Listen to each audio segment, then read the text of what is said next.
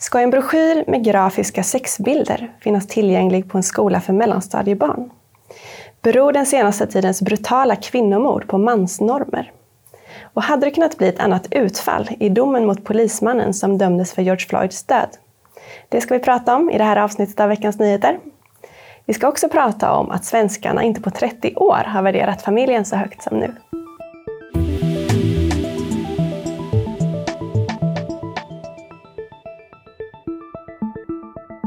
Ja, varmt välkomna till det här avsnittet av Veckans Nyheter. Och välkommen till dig Sven Almqvist. Roligt att du ville ta dig hit i det här snöovädret som vi har i Uppsala idag. Tack ska du ha Sara. Jag halkade mig hit och hade glatt. Så bra.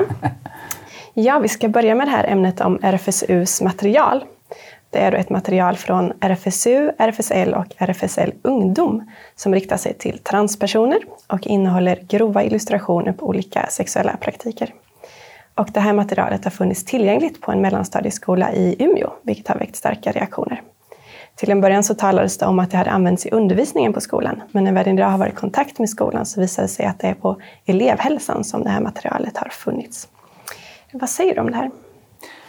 Alltså Sara, när det gäller överhuvudtaget RFSL och RFSU så har det ju skvalpat ut ganska mycket genom, under tiden med, med övergrepp som vi vet har förekommit, så pedofili och så vidare. Det är självklart inte alla så, men det har förekommit en hel del runt den här organisationen. Jag, jag, jag, jag undrar varför har man gett sådana typer av grupper så stort inflytande på våra skolor eh, och bland våra ungdomar? Det, det är en stor frågeställning som jag, jag tror inte jag är ensam om att ha den om jag ska vara ärlig. Va? Och jag tänker så här, jag känner ju många som är lärare också och där man ju ändå låter de här grupperna komma in i skolrummen för att liksom undervisa om sexualitet. Eh, eh, och här, här, skulle jag önska att vi som föräldrar, jag är ju förälder, eh, att vi hade lite mer av björnmammans vaktande över sina ungar faktiskt. Så om man har sådana här grupper inne i en skolklass, för jag tar den frågan dit faktiskt, då tycker jag att man ska ha lärare med, för de skickar ut lärarna i regel. Lärarna behöver vara med, rektorn ska vara med, jag tycker att föräldrarna ska vara med. Alltså. Så att eh, jag tycker det är dags. Och, och, och, varför ska de här aktörerna få vara inne och prägla mina barns syn på sexualitet? Mm. Är inte det bara ett uttryck för moralpanik då, den här typen av kritik mot material? Nej, men det är ju inte det. Det är ett uttryck för sunt förnuft. Det är ett uttryck för sunt förnuft, tycker jag. Eh, och eh, sen att det finns människor som kan brottas med olika sexuella utmaningar i livet, det är en sak. Men jag menar, någonstans här så, så tycker jag att vi skulle behöva... Jag, jag, jag skulle vilja komma ut som radikalare när det gäller frågor om sexualitet. Det pratas ju mycket om att komma ut hit och dit. Vi behöver komma ut. Det finns en fantastisk syn på detta. Han som har skapat sexualiteten. Han har också getts ordningar och normer för det. Där funkar den allra bäst. Så det är oftast den som har gjort programmet som kan den bäst. Så att säga. Så att, eh, jag tycker det, det är ett stort paradigmfel i mitt synsätt. Och jag har rätt att ha min åsikt, det har självklart de också, men jag tror inte jag är ensam om att ha den faktiskt. Mm. Ja, vi ska också säga att RFSU har sagt att det här materialet inte riktar sig specifikt till barn, men att det finns andra material som de har som riktar sig Så till är barn. det säkert, va? men det skvalpar ändå ut hela tiden problematiker runt de här typerna av grupperna. Jag tycker att det gör det. Mm. Jag skulle vilja ha andra aktörer som präglar våra barns syn på sexualitet. Faktiskt. Ja, mm. vi ska byta ämne och då handlar det om de här brutala kvinnomorden som har ägt rum den senaste tiden. Det är då fem mord som ägt rum inom tre veckor och i alla fall så har det varit eh, någon form av relation mellan den misstänkte gärningsmannen och kvinnorna. Och det här har då lett till politiska reaktioner. Bland annat har Centerpartiets ledare Annie Lööf reagerat och även Miljöpartiets språkrör Märta Stenevi har reagerat. Och båda de här lyfter fram att det kan ha delvis med mansnormer att göra. Mm. Eh, Märta Stenevi har bland annat sagt att vi fostrar män och pojkar till att slåss. Och det har i sin tur väckt reaktioner. Bland annat så menar polisen och kriminologen Fredrik Kärrholm att det här kan bli kontraproduktivt att ha ett sånt här resonemang. För har vi mycket genuspedagogik och eh, försöker sudda ut maskulinitet mm. så får det en motsatt effekt, att män söker sig kanske då till destruktiva miljöer för att få den här manliga identiteten mm. som de söker. Eh, vad säger du om det här? Alltså, det är jättebra att vi pratar om de här sakerna, för utan tvekan är det ju ett, är det ju ett problem där ute i samhället. Men, men, är det inte så här? Det finns säkert fler förklaringar, men alltså, jag tror att alkohol och droger är en stor orsak till kvinnomisshandel av olika slag. Och det är ju bedrövligt att, att, att det har blivit så utbrett i hemmen. Eh, så, så där, där, där har vi en, en orsak att jobba med. Sen har vi ju med psykisk ohälsa av olika slag. Eh, där ju det i alla tider har förekommit kvinnovåld, våld mot kvinnor helt enkelt. Sen, sen tror jag ju att, att att det också finns en faktor runt det här med synen på kvinnor. Och vi har ju också fått många som har kommit in i vårt samhälle med, med, som är uppfostrade med en helt annan syn och som eh, eh behöver jobba med frågeställningar om kvinnans värde som kvinna. Så, så, att, så att jag tror att vi har ett, ett, kulturellt fenomen faktiskt som slår igenom ändå. Och sen tror jag den här polisen, eh, eh som Fredrik heter eh, som har någonting, han, han som är ute på gatan. Det finns, vi behöver jobba med pojkar. Hur blir pojkar män? Vi behöver jobba med de här frågeställningarna. Eh, eh, istället för att ifrågasätta deras könsidentitet. Jobb, göra pojkar till gentlemän faktiskt. Alltså, jag tror det är ju utmaningen här. Hur gör vi det då? Alltså, vi behöver jobba med att pojkar ska få vara pojkar och växa upp och ta ansvar för sin, sin, sin inneboende kraft och, och, och, även sexualitet som vi var inne på här. Alltså det, det är ju viktigt, det är det Bibeln talar om, att sexualitet är en jättekraft. Eh, eh, eh, och att vi hjälper människor att formas utifrån ordningar, bibliska ordningar. Med respekt och aktning. Och det är därför som Bibeln säger att sexualitet till exempel hör hemma i ett äktenskap. Det är där den blomstrar bäst. Va? Det står ju det i Första Mosebok 2.24. Därför ska man överge sin farmor och hålla sig till sin hustru och de ska bli ett kött. Va?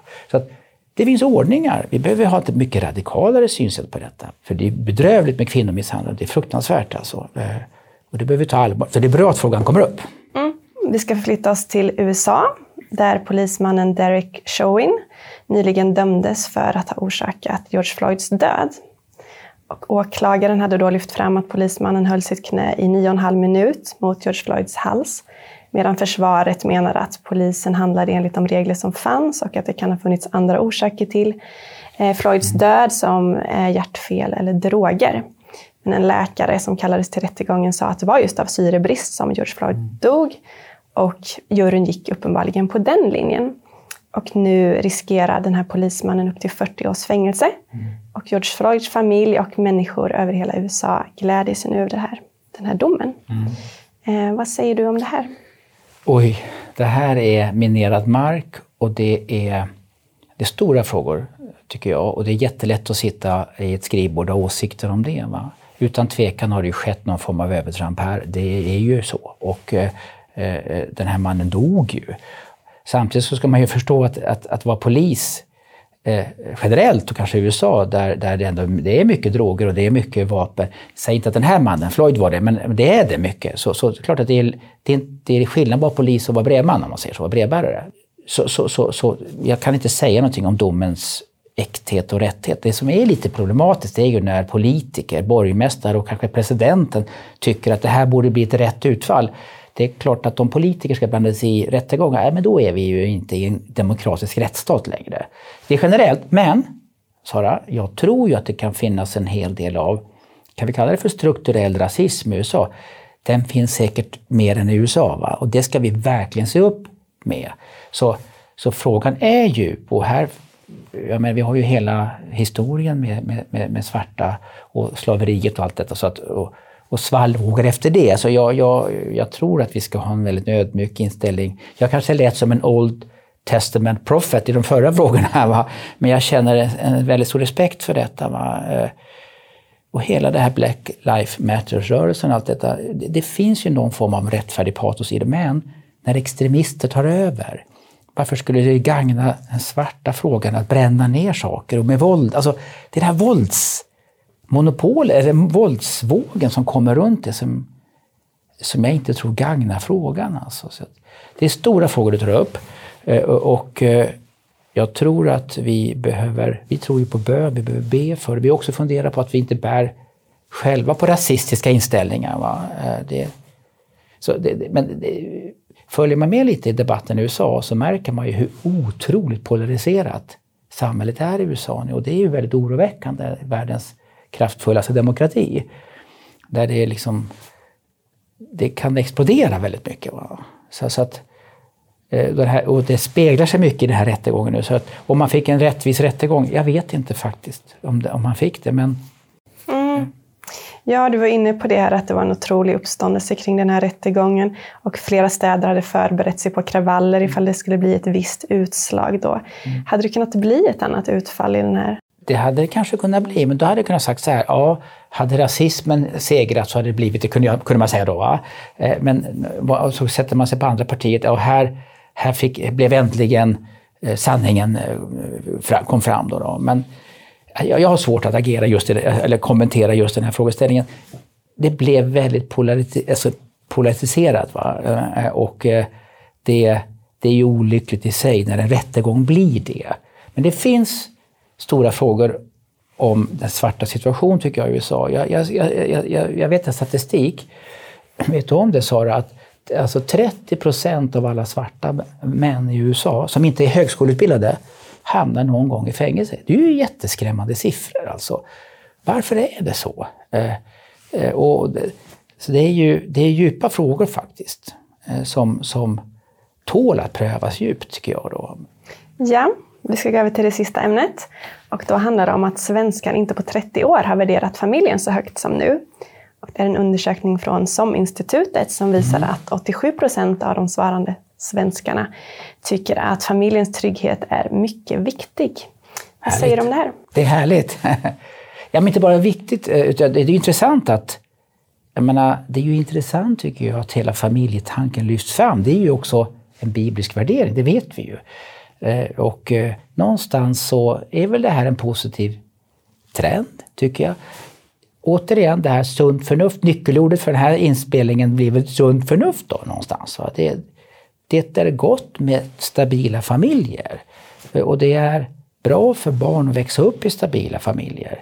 Det, jag tror alla barn mår bra av att ha en närvarande pappa och en närvarande mamma. Jag tror det är bra. Sen är det ju inte alltid det blir så, självklart. Eh, och det handlar inte om att värdera människor, men jag tror att det är bra för ett barn. Faktiskt. Mm. Så att, ja, det är positivt. Mm. Och bibliskt. Vad tror du det beror på då?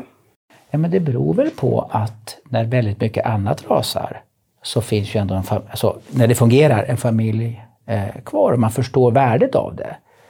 Eh, och man brukar säga att vänner kan komma, vänner kan gå, va? Men, man, men släkt och familj har man ju ändå kvar, i all, trots allt i alla väder. Va?